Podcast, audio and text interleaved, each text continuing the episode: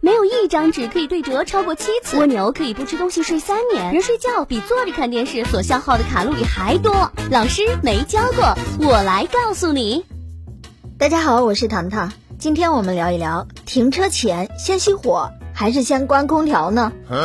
汽车开空调行驶比正常行驶更费油，这是肯定的。不少车主往往是熄火后才想起关空调，其实这种做法危害非常大。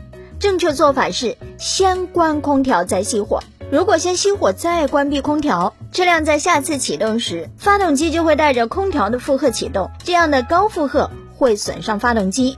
最好的做法是在达到目的地前几分钟关掉空调冷风，开启自然风，使空调管道内的温度回升，消除与外界的温差，从而保持空调系统的相对干燥，避免霉菌繁殖。而开启汽车空调冷风的最佳时机是在车辆启动后的两三分钟，这时发动机已经得到润滑了。很多车主并不是很了解汽车空调的使用方法，虽然空调使用错误对于空调系统性能和寿命的影响是需要时间的，但是对于车内人员健康的影响却是当下不容忽视的。空调打开 AC 后是外循环还是内循环呢？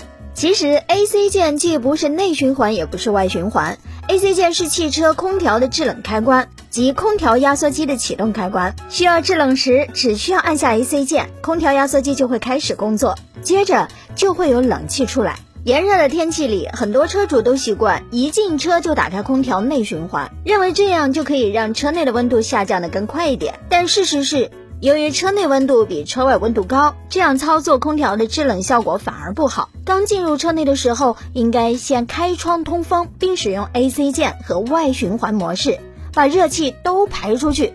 等车内温度下降之后，再换成内循环。目前一些高配汽车的自动空调功能已经可以自动执行这些操作。空调总是开在最小风量，合适吗？大多车主都误以为开空调开到最大档会比较耗油，所以呢会让空调风量尽量保持在最小。其实呢，空调在使用过程当中总会吸进一些灰尘，并形成污垢，时间一长，非常容易发生霉变。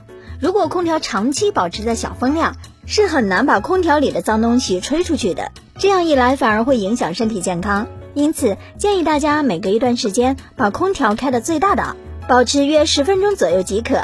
可以有效杜绝灰尘集聚。日常生活里呢，汽车空调的正确使用方法常常会被我们忽略。但是其实呢，正确使用汽车空调不仅可以达到最佳效果，还可以省油。你记住了吗？